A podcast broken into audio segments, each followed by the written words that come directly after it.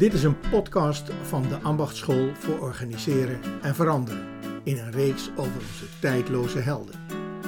We kijken hierin door hun ogen en door die van ons naar hedendaagse vraagstukken in ons ambacht.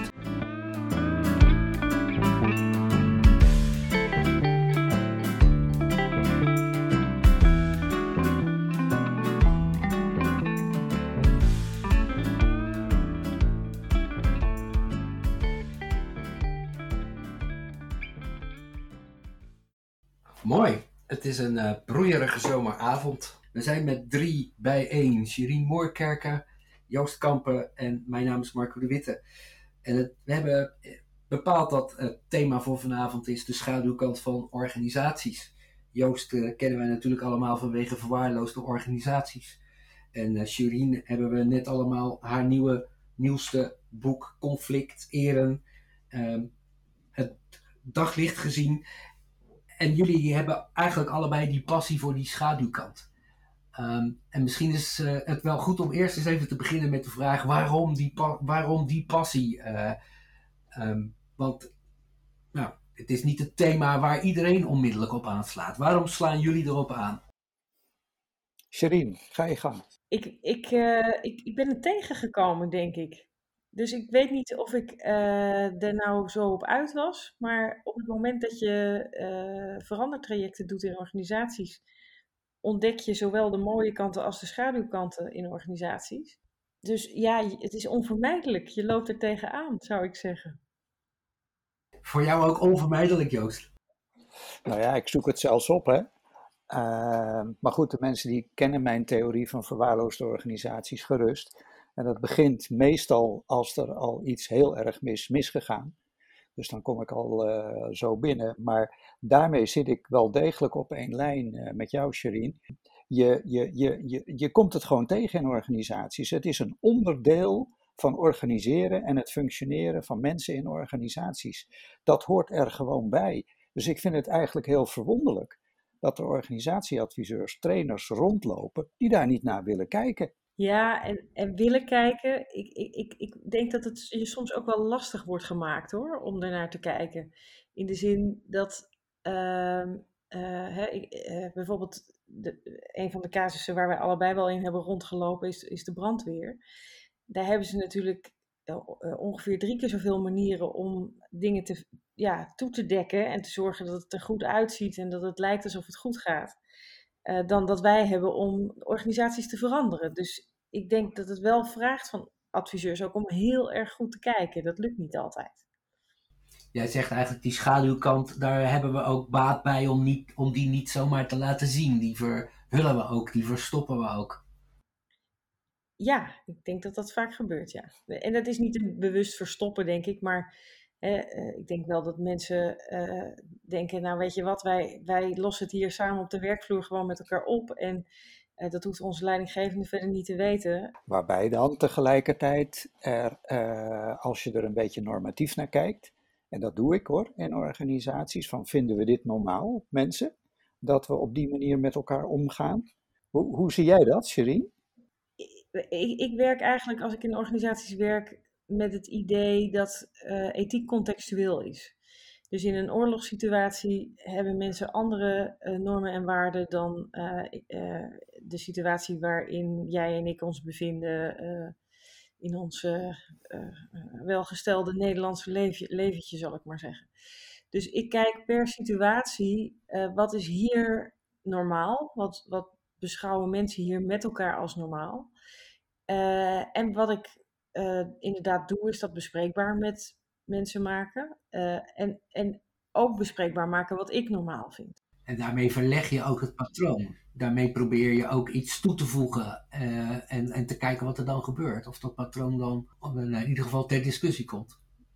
Ja, ik ben dan wel benieuwd hoe ze zich ertoe verhouden. ik heb bijvoorbeeld in de coronatijd hele interessante discussies met klanten gehad over of we elkaar zouden ontmoeten of niet. Nou, zeker bij uh, overheidsorganisaties, uh, uh, landelijke en gemeentelijke overheidsorganisaties, werd snel gezegd: we moeten het goede voorbeeld geven. Nou, en dan zag ik al die bleke kopjes achter die schermen. En dan zei ik: oh ja, ja. En als deze pandemie nou drie of vijf jaar duurt, wat, wat, wat gaan we dan doen? En, en dat is dus niet omdat ik dan vind dat we per se elkaar moeten ontmoeten, maar wel om te onderzoeken of meerdere perspectieven zijn bekeken. Ja. ja. En Joost, is jouw normaal ook sociaal geconstrueerd, zoals bij Shirin, of niet? Nou, ik stel de vraag over wat men normaal vindt of niet. En uh, je hoort vaak aan de toon waarop ik dingen zeg dat ik er zelf ook iets van vind. Dat is natuurlijk helemaal geen geheim. En dat doe ik ook bij klanten uh, niet. Maar ik ben wel op zoek naar hoe kunnen jullie dit nou in stand houden? Hoe kunnen jullie dit nou met elkaar normaal vinden? En dan ontdek ik wel dat als je dat bespreekbaar maakt, dat het heel ongemakkelijk kan zijn. Mensen zich bewust worden van Oh, wacht eens even. Ja, dit doen bijvoorbeeld een opmerking in een team waar het gaat over afspraken niet nakomen. En dan vind ik het een goud moment dat iemand uit, die team, uit het team zegt: Ja, maar mensen, dat doen wij zelf ook niet. Hè? En als er dan een echt gesprek achter vandaan komt, dan denk ik: Oké, die willen het erover hebben. Hier gaat wat gebeuren. Maar je ziet ook heel vaak is en hoe hoger opgeleid en hoe socialer opgeleid, hoe beter men is in maskeren. En het toedekken van verantwoordelijkheid. Ja, volgens mij hebben we daar wel iets gemeenschappelijks. Uh, in de zin dat we allebei uh, wel houden van uh, de oprechtheid en, en echtheid van mensen. Hè, en waar ze tegenaan lopen en hun emoties. En in, in werelden waar mensen met elkaar hebben geleerd netjes te doen en netjes te zijn, uh, wordt dat minder zichtbaar en moet je langer zoeken naar, ja, maar wat is hier nou echt aan de hand? Hey, en in dat, in dat pogen om het op tafel te krijgen, uh, moet je ook interveneren. Interveneer, hoe interveneer jij in dit soort situaties? Als je, als je dat over, nou ja, op de, op de hoofdlijn zou beschrijven. Is dat anders? Uh, zou ik wel eens willen verkennen voor jullie alle twee. Um, hoe doe je dat? Ja, in het hier en nu. Eh, de voorbeelden die we zojuist uh, voorbij zagen komen. Als er iets gebeurt, je zit met een managementteam aan tafel of je zit met een team medewerkers of brandwachten aan tafel en er gebeurt daar wat uh, waar jij als adviseur vanuit je opdracht van denkt van hé, hey, wacht even, die is interessant, dan doe ik daar in het moment wat mee. Dat is één interventie. Andere interventie is dat ik achteraf met de leidinggevende in gesprek ga en hem of haar de vraag stelt: Zag je het gebeuren? En wat is daar aan de hand? Hoe doe jij dat, Sherin? Ik denk vergelijkbaar. Wat waar ik naar kijk is: wat zijn de gewoonten in een organisatie? Wat zijn de patronen? Wat is de taal die maakt dat het gaat zoals het gaat? En kan ik daar nu op uit de pas lopen? Dus als mensen bijvoorbeeld veel reflecteren met elkaar, ik heb bijvoorbeeld veel werk gedaan in GGZ-organisaties. Daar is het vrij gebruikelijk dat ze veel met elkaar praten. Dan uh, probeer ik het in het handelen te brengen. Dus dan is dat uit te passen. Uh, uh, en dan kijk ik wat er gebeurt, wat ze daarmee doen. Of hoe ze, hoe ze proberen toch weer met elkaar te gaan praten. Um, terwijl bijvoorbeeld bij de brandweer, daar zijn ze helemaal niet zulke praters, maar beginnen ze al te lopen voordat ze een analyse hebben van wat er eigenlijk aan de hand is daar probeer ik dan veel meer te vertragen en, en de reflectie uh, uh, wakker te maken. Dus eh, ja, het is echt heel erg afhankelijk van wat is nou uit de pas hier. Maar dan probeer je ook echt de patronen te verstoren. Eigenlijk om, ja. om te kijken wat ja. er dan gebeurt.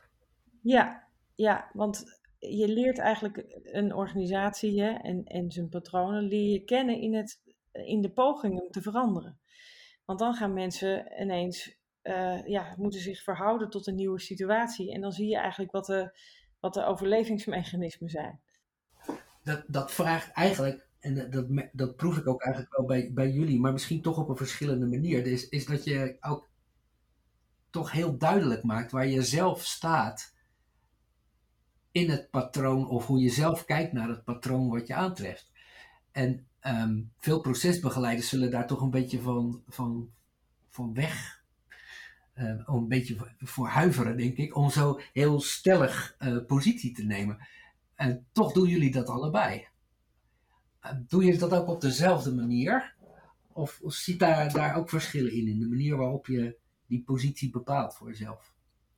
Nou, het erin stappen daar hoor ik inderdaad een parallel. En in het moment, dat hoor ik Sherine ook beschrijven. Ehm, dus daar zit zeker een parallel. En die is denk ik afwijkend van wat veel adviseurs doen. Die zijn eigenlijk heel volgend bezig. En ik heb in mijn derde boek ook beschreven, advieswerk in verwaarloosde organisaties. Je mag als adviseur ook best zelf een norm aangeven. Ik denk, als we even zoeken naar verschillen, ik denk dat in het praktisch handelen er niet zoveel verschil zit. Het is misschien het soort vragen waarmee je komt, of het ja, theoretisch gehalte, uh, theoretische blik daarop. Uh, en dat Sherine daar wellicht een meer andere, op die conflicttheorie gebaseerde invalshoek heeft. Uh, maar interpreteer ik dat juist? Ja, ik, ik zit net even naar je te luisteren. Ik denk dat wij allebei een goed ontwikkeld oordeelsvermogen hebben en dat ook inzetten. Hè? Dus wij vinden wel, denk ik, snel ding, van, van dingen wat. Ik denk dat jij methodisch, als ik je net zo hoor praten, uh, uh, meer de vraag aan de klant stelt en zorgt dat die klant dus zelf kan leren en zelf uh, de positie kan innemen. Hè, dus de leidinggevende in dit geval, die die moet innemen. En ik denk dat uh, ik wel uh, steeds onderzoek van wat is hier nog meer aan de hand en welke contexten zijn hier nog meer aanwezig. Uh, dus daar, daar ben ik ook onderzoekend. alleen ik, ik, ik, ik heb ook de neiging om het soms eventjes tijdelijk over te nemen van een leidinggevende als hij het niet doet. Of gewoon keihard erin te gaan en een situatie te creëren waar mensen niet omheen kunnen. Uh, bijvoorbeeld, ik ben een keer bij tunnelbouwers en tunnelbewakers heb ik een opdracht gedaan. En iedere MT waren alle MT-leden ontzettend voorzichtig, voorzichtig, omdat één iemand steeds zo boos kon worden. Uh, nou, dat, dat, dat, dat, gedrag dat bleef zich maar herhalen. En op een gegeven moment liep die man toch een keer boos de vergadering uit. En toen ben ik keihard achter hem aangerend uh, de, gang, de gang op en uh, heb ik staan schreeuwen tegen hem. Uh, nou, dat, hij schrok daar nogal van. en hij zei tegen me, dit is toch helemaal niet professioneel? en toen zei ik, nee, inderdaad. Ehm, dus ja, ik, ik heb de neiging om dingen uit te proberen en, en neem daarmee soms ook alle posities niet zo nauw. Nou, ik denk inderdaad dat daar een, een als ik het zou typeren, Sherine, jij uh, neemt erin het initiatief, daar beschrijf je ook diverse casussen in, jou, uh, in jouw boek, dat je echt wel de lead neemt in de gesprekken die je dan voert met mensen waar jij bij gevraagd bent. En ik denk dat ik scherper ga zitten op, um, ja, mensen moeten het ook zelf ontdekken. En, en dan, dan kunnen er pijnlijke stiltes zijn, waarmee ik wil onthullen van ja, wacht eens even jongens, uh, jullie gaan het zelf niet aan. Hè? Of de, de, de, de verantwoordelijk leidinggevende, die pakt het zelf niet. En dat wil ik dan zichtbaar maken en uiteraard bespreekbaar maken hoor. Ik bedoel, dat, dan kan ik daarna die persoon zeker van dienst zijn en, uh, en helpen. Maar dat, dat is misschien een accentverschil. Ja, ik laat het ze keihard zelf ontdekken. ja, en, en, stapt er af en toe keihard in, uh, om het dan maar even te plat en te, te makkelijk zo het verschil te duiden. Als ik er zo doorheen luister, dan lijkt het er wel op alsof jullie op dezelfde manier interveneren. Maar ik weet niet of dat toch helemaal klopt, want bij Shirin hoor ik veel ontregelen en dan daarin proberen het patroon te duiden. Zou jij dat ook doen, Joost, op die manier? Nee hoor, in een verwaarloosde organisatie zijn ze al heel goed in ontregelen. Dat doen ze niet anders. Ontkennen, vermijden, ontwijken, et cetera. En het conflict opzoeken is daar meer om de verantwoordelijkheid bij de ander te leggen en niet bij jezelf te houden. Nee, ik zit in een verwaarloosde organisatie, zoek ik wel de kern op van de zaak, maar we gaan eerst normaal doen. Dus we gaan eerst normaliseren en dan gaan we verder ontwikkelen. Dus als ik hem even versterk, Marco, met wat jij net zei. Ik denk dat Sherine en ik in de keuken hetzelfde doen met wat we om ons heen zien gebeuren en daarmee werken. Dus we zijn beide interventionisten in de realiteit, maar de intentie die er veranderkundig aan vastzit, die is wezenlijk anders. Want de veronderstelling bij Sherin lijkt te zijn dat als je het maar scherp genoeg maakt, dan komen mensen wel tot elkaar en dan kunnen ze dingen uitspreken. En dat veronderstelt een bepaalde basishouding die in verwaarloosde organisaties echt niet aanwezig is. Uh, ja, en toch kom ik ook veel in veel organisaties, denk ik, waar uh, jij van zou zeggen dat, het, dat ze verwaarloosd zijn. En ook, ook ik ontregel daarin. En dat helpt toch soms wel. dus ik zit even te zoeken van waar maar is dan, is, dan het, eh, is dan het doel van het ontregelen dat je daarmee een andere dynamiek op gang wil brengen zonder dat je precies weet waar je dan uitkomt? Terwijl bij Joost lijkt het van we komen uit bij weer normaal. Klopt, ik weet niet zo goed wat normaal is. Dus dat, dat, dat heb ik ook niet een vooropgezet idee over. Uh, uh, en, en dat is weer hè, dat redeneren vanuit die contextuele ethiek. Dus ik weet niet hoe uh, normaal gedrag eruit ziet in bepaalde omstandigheden. Dat, dat, dat, ja, dat verschilt gewoon per situatie en per geschiedenis en per context. En, en ik blijf onderzoeken wat daar nodig is. Um, tegelijkertijd introduceer ik soms ook wel mijn eigen normen, maar niet als zijnde dit zijn de normen, maar meer als ik zou in deze situatie dit vinden. Uh, maar ook dat doe ik weer om te ontregelen. Ik probeer hem nog even eh, situationeel te maken. Zou je kunnen zeggen, Sherine, dat jij op een ander moment in de organisatie met jouw interventies instapt of in kunt stappen en dan effectiever bent? En dat ik misschien, nou ja, in dat moment waarin inderdaad eerst die orde gebracht moet zijn. Ik moet ook even denken aan het ontregelen, wat Hans Vermaak ook vaak in, uh, in zijn interventies doet. Dat heb je nodig om de speelsheid te hebben, om vooruit te komen, om ruimte te creëren. En aan de andere kant zit dus van ja jongens, we gaan geen ruimte creëren. Uh, en, en, en we moeten nu eerst de zaak even helemaal scherp hebben. Dus het zou het moment kunnen zijn. Dus als je kijkt in termen van organisatieontwikkeling, dan zit jij, Sherin, misschien meer op een volwassener situatie? Ik geloof het niet. Ik kom echt wel in ellendige situaties soms binnen. Ik denk dat het echt gewoon een andere manier van werken is. Uh, dus ik, ik hoor bij jou uh, de zachtheid zitten. Dus je introduceert heel hard een norm. Maar de zachtheid zit hem erin dat je mensen wel met elkaar laat uitzoeken hoe zij daar dan kunnen komen. En uh, mijn zachtheid zit hem in dat ik geen norm opleg. Uh, maar mijn hardheid zit, zit erin dat ik wel van alles in de weg zet. Waardoor mensen zich daartoe moeten verhouden en het met elkaar moeten gaan uitzoeken. Dus ik denk niet dat dat een verschil van moment is. Ik denk dat het echt een verschil in aanvliegroute is. hey, wat, wat vraagt dit van jullie? Want volgens mij is het best wel lastig om, als je er zo in de moment in zit, om er ook tegelijkertijd uit te kunnen blijven. Het is een soort distantie en betrokkenheid uh, die de, hele tijd aan je trekt.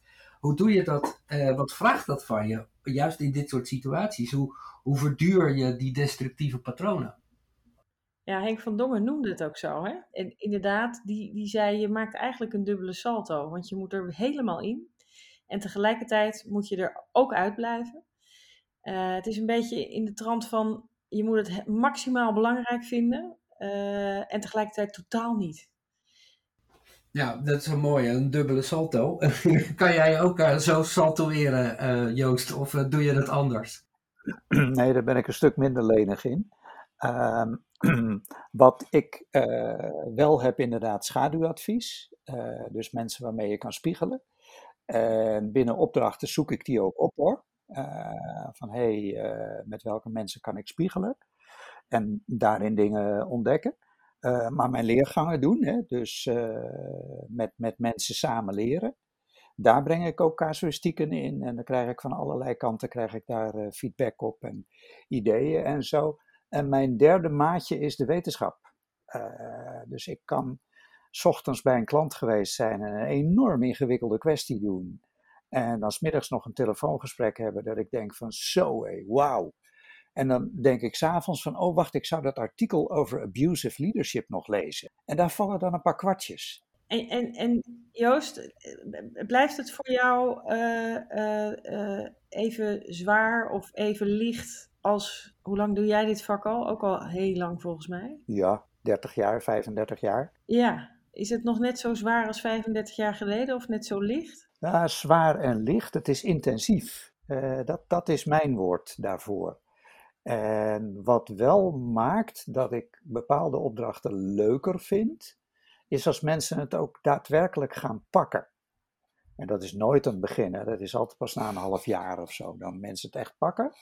Maar als ik in zo'n opdracht zit en ik zie, oh, zie ze worstelen en noem maar op, een hoop gedoe, maar het gaat wel lopen. En daar krijg ik energie van. Ik had, ik had bij het schrijven van, van, uh, hoe, van uh, conflicteren, uh, toen ik het af had, ben ik gewoon een paar weken echt helemaal van, van slag geweest. Omdat ik erachter kwam dat ik uiteindelijk misschien wel niet zoveel bereik in organisaties. Hoe methodisch precies ik ook interveneer. Het is maar de vraag of uiteindelijk de wereld er nou een stukje mooier van wordt. Nou ja, ik moet dan altijd weer denken aan, uh, aan iemand anders waar ik het vak van heb geleerd, van, van Kees Lescure. Die zei altijd tegen mij, je moet vooruit de wereld proberen te veranderen en achteruit moet je kijken of je één of twee mensen in een opdracht hebt weten te raken.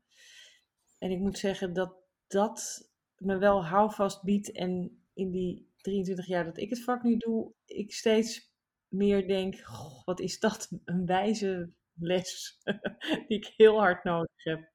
Ja, mooi. Ik denk dat wij op deze, zwetende avond er ook een punt achter moeten zetten. Maar, wel met deze mooie, uh, mooie opmerking over licht en schaduw tegelijkertijd. En ook dat wij zelf ja, onze impact af en toe ook wel is uh, misschien wel meer hebben met één of twee mensen dan dat we het hele systeem kunnen veranderen. Maar dat is een ander thema en voor een andere keer. Ik dank jullie voor dit mooie gesprek. Dank jullie wel. Dit was een podcast in de reeks Tijdloze Helden van de Ambachtschool. We hebben meer van deze podcasts. U kunt ze vinden op deambachtschool.org.